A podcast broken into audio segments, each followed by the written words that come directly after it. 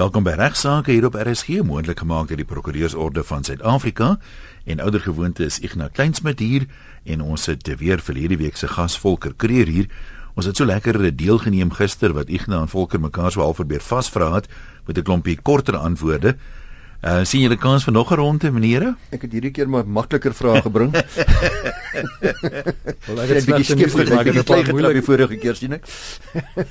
nee, baie dankie Volker dat jy bereid is om weer te kom gesels met ons en goeiemiddag aan al ons luisteraars. Dit is nou net na 12 en dit is lekker om weer vandag met u te gesels en ek hoop jy gaan die program weer net geniet soos jy hopelik laasweek so geniet het. Uh Volker, jy's weer eerste aan die woord. Ja, môre luisteraars, uh, dankie Ignas. Ek het 'n paar moeilike vrae uh saamgebring. Kom ons kyk hoe doen jy. Eerste een is soos volg: Jannie se seun begin 'n besigheid. Hy leen 1 miljoen rand by die bank om die aanvangskapitaal vir die besigheid te finansier. Die bank vereis egter dat Jannie moet borg teken. Hy teken met graagte as borg en medehoofskuldenaar ten gunste van die bank om sy seun te help. Die besigheid loop egter ongelukkig skeef en Jannie se seun word insolvent verklaar. 'n Kurator word aangestel en na dise kostes bly daar ongeveer 50 sent in 'n rand oor vir skuldeisers. Die bank eis die volle 1 miljoen rand en rentes en kostes vanaf Jannie.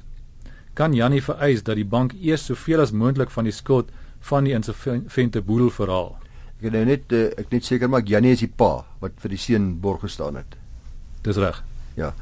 Ag ek kan nie dit genoeg beklemtoon nie. Een luisteraars moet asseblief nie vir julle kinders borg teken nie. Dit is net 'n nagmerrie. Dit is as mens regtig vir jou kinders lief is, as jy regtig vir hulle omgee, sal jy sal jy dit nie doen nie. Interessant is albe ek nou, ek meen ek verstaan heeltemal hoekom jy dit sê, maar ek wonder nou sommer net instinktief want ek is mos maar 'n wonderaar. Ja. is daar nie gevalle waar 'n seun of 'n dogter vandag sê Jessie pa ek sien nooit hierdie suksesvolle vooruitstrewende besigheid gehad het as pa nie destyds my borg geteken het. Daar moet tog uitsonderings wees op hierdie. Daar is beslis baie sulke gevalle, maar dan moet jy net seker maak dat jy behoorlike sekuriteit het. In 'n woorde 'n suiwer lening wat oor en oor gebeur. Ek het nou in hierdie week weer een gehad, Ian. Is weer die ou sogenaamde granny flat, die die woonstelletjie wat ma en pa vir hulle self met 'n laaste spaargeldjie koop by Jannie se huis. Dis my seun se huis. Nou sê hulle mamma kom bly by julle maar by ons die nou koop ek binne my laaste miljoen rand trek ek en ek bou vir my 'n woonstelletjie daar en ek en my vrou gaan daar woon en 'n paar maande later dan gaan my seun insolvent.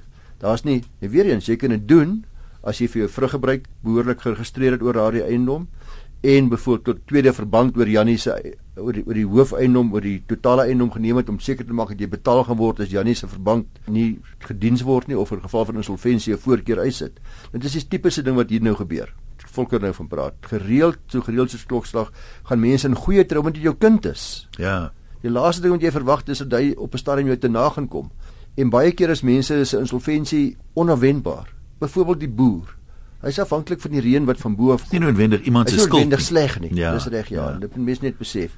So ek nou wat die antwoord betref, ek jy nou in die rede geval die ja. die ding dryf nou in die drinkwater, hoe nou? Hy is nou ongelukkig in hierdie geval as hy is hy as borg as hy 'n uh, mede-hoofskuldenaar en in gevolge die uh, borgooreenkoms kan ek nou al vir u sê dit is 'n standaard klousule is hy in solidum aanspreeklik en in gevolge die reg met ander woorde is uh, daar wel 'n verhaalsreg teen die insolvente boedel maar almal is mede-hoofskuldenare en ek kan besluit wie ek wil vir teen wie ek die volle miljoen rand wil verhaal. So die bank hoef nie eers die helfte daar te probeer nie. Hy kan maar weer direct, gaan direct sit van, probeer om iets te kry. Van die pa af en die pa kan dalk weer sy eis instel teen die insolvente boedel.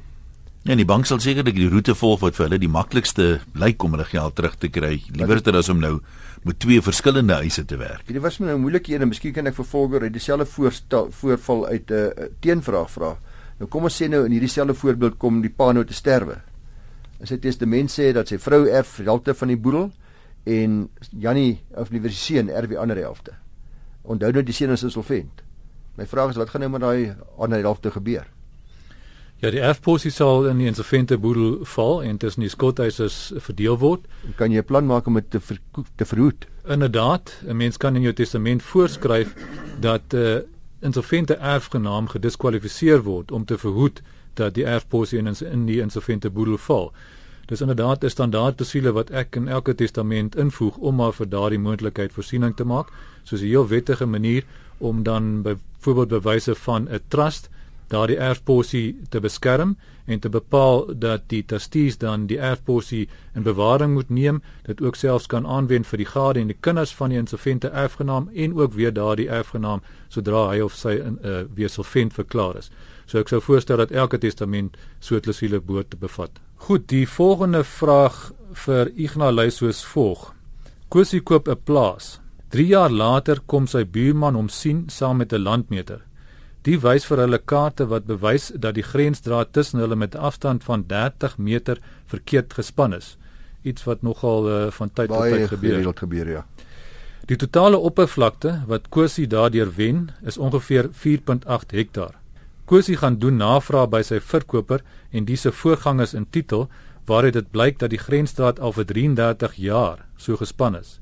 Gaan die buurman kan eis dat die saak reggestel word.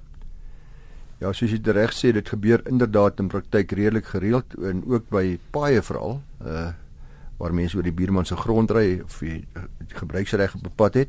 Maar uh, om te antwoord Die eerste ding wat jy gesê het uh, wat vir my moet laat dink aan verjaring of verkrygende verjaring is die 33 jaar. Indien 'n mens verlanger is 30 jaar sonder ons praat van net wie net klam net prekario sonder dat daar teenstand is, sonder dat daar daaroor gepraat is met ander woorde. 'n sekere eiendom gebruik asof dit jou eie is, soos in hierdie geval die 4,8 hektaar, dan word dit outomaties jou eiendom gaan eiendomsreg outomaties oor.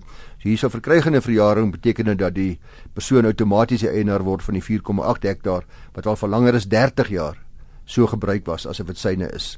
Dieselfde beginsel sê ek sê geld meer dikwels kry jy die probleem by 'n pad wat gebruik word as jy oor oor jou buurman se grond en dan kom maar 'n nuwe eienaar na daar 35 of 40 jaar en dan wil 'n nuwe eienaar skielik jy met 'n ander pad gebruik. As jy kan bewys dat uh, dit vir 30 jaar so gebruik was dan uh, gaan dit ongelukkig dan uh, of gelukkig afhangende van die omstandighede gaan jy geregtig wees om baie servituut onbeperkte gebruik. Dieselfde geld natuurlik uh, nie as daar duidelik gemaak is dit 'n vergunning was nie. Dis waarom jy baie keer hierdie borde sien luisteraars langs die pad wat sê let wel hierdie pad is 'n vergunning. Elke keer as daar al is dit mondelings weer gesê word, hoor die buurman onthou net daai stukkie grond, daai pad gebruik jy met my vergunning, dan begin die 30 jaar opnuut weer loop, dan dan dan is die verjaring weer gestuit. En dieselfde op uh, Volker se voorbeeld, kom ons sê nou maar almal het geweet die 30 meter is verkeerd gespan en nou en dan is daaroor gepraat. Dan sal dit nie outomaties na 30 jaar oorgegaan het nie en dan sou die 30 jaar nog nie verstryk gewees het nie. En in daai geval sou die persoon dan sou waarskynlik normaalweg wat gebeur Volker dat probeer oor inkomste aangegaan, ek koop die deel by hom uit, maar andersins sal ek hom wel kan dwing om die draad reg te span. Dis reg, ek stem saam. 'n Opsie is om natuurlik net iets op skrift te kry. Al is dit net 'n e-pos waarin jy aan die buurman bevestig dat hoor hier is net 'n vergunning. So ehm um, daardie kan 'n mens ook sorg uh, dat die verjaring dan nie loop gedurende daai tydperk nie. Volker, uh weer ek kom terug by jou spesialiteitsgebied wat boedels ook is in testamente. Selfmoord. Die persoon pleeg selfmoord. Hy het 'n testament wat behoorlik geteken is, maar net voor sy net voor hy selfmoord pleeg, skryf hy 'n notaatjie, 'n selfmoordnota. In hierdie selfmoordnota sê ek wil graag hê A, B en C moet erf en dit bots nou lynreg met sy testament wat nou dalk gesê het X moet erf. Vraag is ek is nou een van die persone wat bevoordeel was in die selfmoordnota, sal ek geregtig wees om te erf? Hou gedagte daar's 'n behoorlike testament wat behoorlik verlei en geteken is wat uh, ouer is as hierdie selfmoordnota. Die basiese reël is dat as 'n dokument nie aan die formaliteitsvereistes van die Wet op Testamente voldoen nie, met ander woorde dat die um, erflater dit geteken het op elke bladsy en die teenwoordigheid van twee getuies wat ook die testament teken of moet teken, dan is daardie dokument nie 'n geldige testament nie. Artikel 2 subartikel 3 van die Wet op Testamente maak egter wel vir 'n uitsondering voorsiening. Die artikel gee aan die hof die reg om kondenasie te verleen vir die nie nakoming van formaliteitsvereistes as jy die hof kan oortuig dat dit inderdaad die wil van jou ledene was om 'n testament te verlei. Word as jy die hof kan oortuig dat hy bedoel het om in sy byvoorbeeld selfmoordnota ook testamentêre voorskrifte te maak dat daar geen sprake was van enige bedrog, dan uh, moet jy wel te slaag met so 'n aansoek om daardie selfmoordnota tot 'n um, testamente laat verklaar. En daar was al hofsaake gewees, nê? Nee. Dis reg, uh, in die laaste paar jare was daar twee baie interessante hofsaake waar die hof elke keer tot die gevolgtrekking gekom het dat die spesifieke selfmoordnotas inderdaad testamente daar gestel het en in so 'n geval sal dit dan natuurlik uitvoering gegee word aan die voorskrifte in die nota.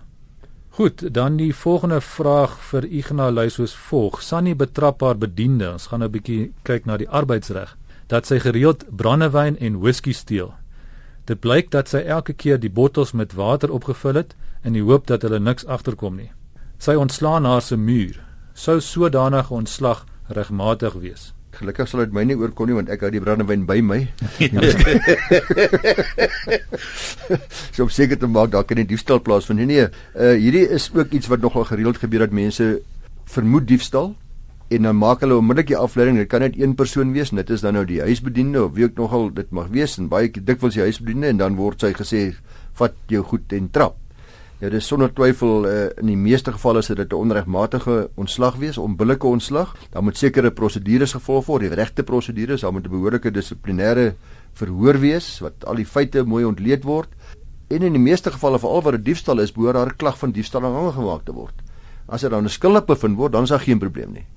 Dan is die ontslag geen probleem nie, maar uh, maar wees gewaarsku. Luisteraars, dit gebeur baie gereeld dat mense in hierdie omstandighede na die hulle na die arbeidshowe toe wend, na die kom na die kommissie toe dat dit onbillike ontslag is en dat dikwels 6 maande, 12 maande se salaris betaal moet word as gevolg van die wyse waarop jy opgetree het. Ek dink dikwels wil mense nie daai strafregtelike klag gaan lê nie want hulle ontsien die moeite om te gaan getuig. Sit by die hof en wag, daar gaan gewoonlik 'n dag of wat uh, se tyd verlore, maar jy sou mense aanraai dat as hulle die werknemer wil ontslaan om ja. tog maar daai klag liewer ja, ja, ja. te lê. Ja. Ja, as hierdie nou boks was, dan sal daar nou 'n dame met 'n sjoebroekie in die kruit geloop het en gesê het ronde nommer 2. Ja. Maar nou is dit die boks nie so ek gaan sommer sê, ons gaan aan met Ignas en uh, Volker wat mekaar sommer sulke korterige vrae vra oor 'n wye verskeidenheid aspekte van die reg.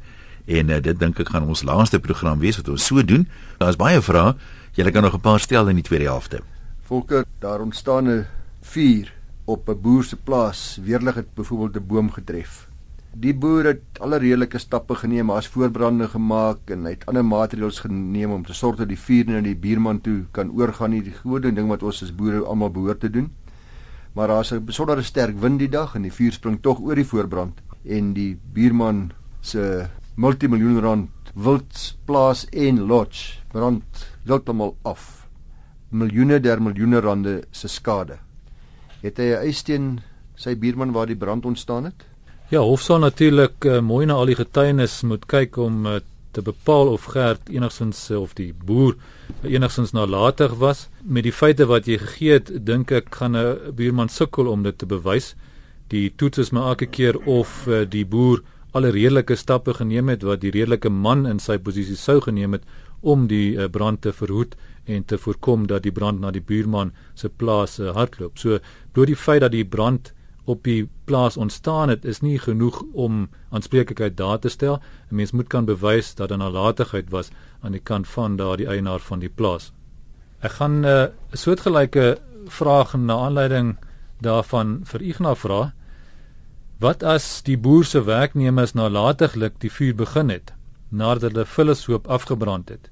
Hulle is gereeld gewaarsku deur die boer om versigtig te wees en andersins ook alle redelike stappe te neem om te verhoed dat die brand ontstaan en wegloop, sal die buurman in so 'n geval skadevergoeding kan eis. Ek dink ons luisteraars weet nou al uh Ian wat middelike aanspreeklikheid beteken. Aan die ander ek is aanspreeklik vir die handelinge van my werknemers uitgevoer binne die loop en diens van hulle uh, diensbestek by my.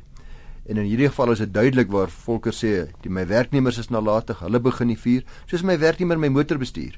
Hy werk vir my, is my motor, hy ry met die motor as deel van sy diens by my en hy's nalatig. In daardie geval is ek saam met hom aanspreeklik, middelik aanspreeklik.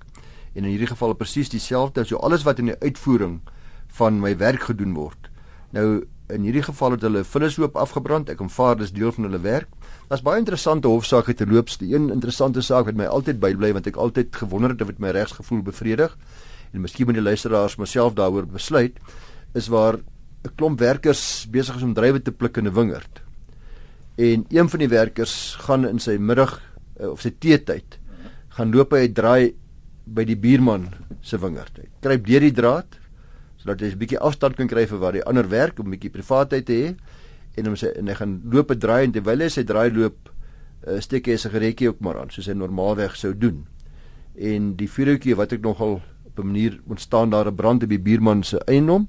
En die vraag was hier gevra of hierdie persoon on a frolic of his own was of het, of 'n deel van sy diensbestek was om 'n draai te gaan loop op die wyse wat hy dit gedoen het en toe of dit nog deel van diensbestek was. En die hof het daarbe vind ja dit ja. was 'n deel van diensbestek. En ek weet daarom nie. wanneer jy by die werk is dan moet jy nog steeds jou uh, natuurlike funksies verrig. Kan nie daarvan ontslaa raak nie en jy kan nie dit direk onderskei as iets wat jy op jou eie gaan doen wat nie deel van jou normale werkspatroon is nie So ek dink dis interessant is ek sal graag ek het die saak lanktaas gelees maar ek onthou die saak het nie my uh, my gevoel van reg regtig bevredig. Nee, ek is nogal geneig om met jou met jou saam te stem wat dit betref. Ons kan uh, nog 'n paar vrae inwerk. Wie's volgende? Ek het nog 'n vraag uit die delikte reg en skadevergoedingseise en so meer. Petro doen inkopies in Pick n Pay. Sy gly op sonneblomolie. 'n Kliënt het die bottel omgestamp en die bottel het gebreek. Dit blyk later dat Pick n Pay 'n stelsel gehad het waar volgens die skoonmakers elke 2 ure die vloere moes skoonmaak sal Petrus skadevergoeding van Pick n Pay kan eis. Ja, ek het uh, jy het nou nie geweet nie Volker, maar een sal weet dat hierdie was 'n spesifieke hofsaak wat ons al bespreek het hier. So hier is ek seker ek gaan jou reg kan antwoord. Uh in hierdie geval is daar deur die hof mooi gekyk na wat wat se redelike stappe Pick n Pay geneem het of redelikerwys moes geneem het om te voorkom dat daar skade aan 'n uh, eh, kliënt kan wees wat op die vloer van Pick n Pay loop.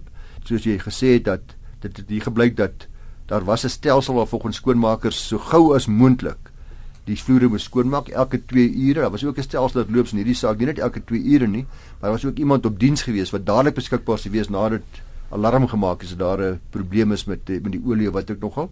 So die hof het hier beslis dat daar as daar redelike stappe geneem is, dan kan nie van iemand verwag word om dit om dit onmiddellik te doen nie, maar binne 'n redelike tyd. So die eis was hier nie suksesvol gewees nie.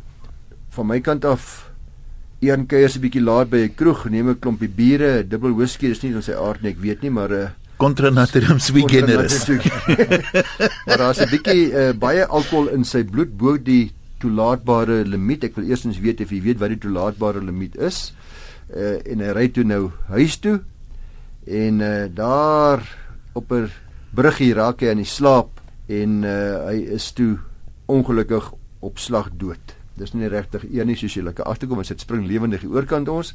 My vraag is of sy lewering of sy lewensversekering sou uitbetaal as so iets met hom sou gebeur. Ek dink jou vraag gaan wees glo jy in reïnkarnasie? ja, ek nou ek dink dit sou afhang van wat die lewenskontrak uh, lewensversekeringskontrak bepaal. Normaalweg sal so 'n uh, ooreenkoms bepaal dat die versekeraar nie aanspreeklik is waar daar dronk bestuur was nie. Ek het uh, in 'n waar uh, inderdaad nog nooit 'n uh, polis gesien waar daar nie so klousule in staan ja, nie. Ja, is so. So ek dink uh, die kans is baie goed dat 'n mens in so 'n geval nie 'n eis sal hê nie en dat die versekerings nie sal uitbetaal nie. So is maar nog 'n uh, duidelike waarskuwing uh, om nie dronk te bestuur nie behalwe vir die kriminele rekord wat 'n mens natuurlik kry as jy skuldig bevind word aan dronk bestuur kan dit dan ook veroorsaak dat jou lewensversekering nie uitbetaal nie en uh, gaan jou geliefdes natuurlik met 'n groot kopseer sit. Volker, hoe word daai klousule gewoonlik bewoord? Want kyk, die maksimum toelaatbare alkoholvlak in jou bloed is eintlik maar relatief laag. Ek meen daar's baie groot frisgeboude ouens wat jy nie op 'n manier as dronksel kan beskryf as hulle dit oorskry nie. So de, gaan dit gewoonlik in daai polisdokumente oor oorskryding van die toelaatbare vlak of word die woord dronk bestuur eers gebruik of bestuur onder die invloed van alkohol? Ek dink hulle koppel wel die wat ek gesien het is almal gekoppel aan die voorgeskrewe limiet aangesien dit dan baie makliker is om te ja, bewys ja, ja. dat die limiet oorskry is en dat die persoon met ander woorde ja, dan dronk is. En die limiet is nie baie hoog nie. Wat is dit uh, net nee, vir die vir die rekord? Net gevind as jy dat volker die vraag vir my so, jy moet net punte vir my daar gee. ek dink dit is 0.05. Die feit dat hy nie geoor, die feit dat hy nie geantwoord het my daar het besef hy weet nie. Dis 0.05 was oor 0.08. Dis reg ja. Volker iemand sê maar Piet hier kom te sterwe. Hy bepaal in sy testament dat sy drie kinders sy boedel in gelyke dele erf. Sê net maar sy oudste seun wil baie graag nou die vakansiehuis daar in Kamabaai en uh, die ander een wil weer die woonstel in Rustenburg hê. En en die ander een stel eintlik nie belang in die bates hulle is tevrede met kontant wees uh, wat hoe gaan hulle te werk? Of moet ons maar die woonstel verkoop in die in die in die, in die vakansiehuis verkoop of moes die pa liewerste gesê het jy kry die vakansies en jy kry die woonstel, wat sou die beste wees? Wat se wat se plan kan 'n mens maak hier? Ja, gelukkig kan die erfgename inderdaad 'n herverdelingsooreenkoms aangaan Wat ehm um, altyd gebeur is dat al die bates van die boedel moet natuurlik waardeer word as deel van die beredingsproses en nadat mens nadat 'n mens al die waardes beskikbaar het, sal 'n mens normaalweg die kinders of wie ook al die erfgename is wat bevoord in gelyke dele erf bymekaar kry en dan daar in 'n vergadering probeer ooreenkom wie wat se bates graag wil hê dit dan so verdeel onder die kinders en dan kyk wat is die waardes van wat elke kind gekry het en dan byvoorbeeld die kontant gebruik om te sorg dat hulle nog steeds gelyk erf of waar daar nie genoeg kontant is nie kan 'n erfgenaam natuurlik ook kontant inbetaal om uh, dit te dek. So mense is nie noodwendig aan die voorskrifte van die testament gebonde nie. Jy kan 'n herverdelingsooreenkoms aangaan. Wat ek ook dikwels as 'n klousule in 'n testament invoeg waar byvoorbeeld kinders gelyk erf is om voor te skryf dat hulle roerende bates op 'n rotasiebasis kan kies as hulle dalk nie kan ooreenkom wie wat kry nie. Dis maar 'n meganisme om te sorg dat daar nie enige dispute tussen erfgename ontstaan nie as hulle dalk uh dieselfde dinge wil, dieselfde bates wil hê, dan kan 'n mens voorskryf dat hy lot uh, bepaal wie eers gaan uh, kies en dan uh, kies hulle nou maar op rotasiebasis die roerende bates en verdeel dit so tussen hulle. Ons het tyd vir 'n laaste vraag. Dis 'n kort een. Uh Ignas is oorspel 'n misdaad. Dit is 'n uh, redelike maklik een en is met groot vreugde en met uh, baie groot verligting wat ek kan sê dat oorspel vroeër misdaad was maar nie meer nie. nee, grappies op 'n stokkie oorspel, nie 'n misdaad nie. Uh en uh, dit was wel vroeër net so 'n voorbeeld. Vroeër kon 'n man skuldig bevind word aan die verkrachting van sy vrou. Maar uh sedert hier in die 1990s iewers is die wet ook gewys. Nie nie skuldig bevind word, né? Ja, nie skuldig bevind word nie. Uh, maar nou kan jy. Eers kon jy nie en nou kan jy wel skuldig bevind word aan die aan die aan die verkrachting van jou vrou. Uh eers sou dit net ander ding nagestel het. Wat ook is hoe die dis maar hoe die moraliteit van die lewe verander het en wat uh, dit is vreemd dat mense jou vrou kom verkrag het op 'n stap. Ja, en onder die ou wetgewing voordat voordat uh onderstelbare verbrokkeling is egskeidings weet grond ingekom het, oorspel was een van die wat kwaadwillige verlating, oorspel was 'n manier om te bewys die huwelik is nou ja tot nie, ja. jy weet in die En as nou nog mense wat vir jou kom vra, hoorie ek wil skei want my man het my vrou die huis verlaat. Nou glo dis dis 'n grond vir egskeiding. Dis natuurlik soos jy reg sê, nie meer 'n grond vir egskeiding. Ja, maar ek meen dit kan dui op onherstelbare verbrokkeling as hy nou nie as hy nou weg is as hy kom nie terug nie, ja. natuurlik. Ek wonder hoe die hoe dit die die privaat speurder bedryf geraak, want ek meen in die ou stories was altyd 'n privaat speurder wat die man agtervolg en 'n foto probeer neem, betrap hom op heterdaad met die oorspel hang hier aan 'n geet kyk deur die venster daai. 'n Jong prokureur het ek baie keer deelgeneem daaraan. Was saam met die speurder gegaan om te gaan seker maak eh, as kry die getuienis. Nee, ek dink dit die die privaat speurders bedryf beslis groot skade berokken want hulle het 'n groot deel van hulle werk was destyds presies dit om om om uh, in die huweliks ontrou ja. te gaan probeer uh, bewys. Net dit is alva vir ons gaan tyd hê vandag. Baie dankie aan uh, Volker Kreer en Ignas Kleinsmid van van Velden Duffy Prokureurs op Rustenburg en ook aan die Prokureursorde van Suid-Afrika wat die program moontlik maak.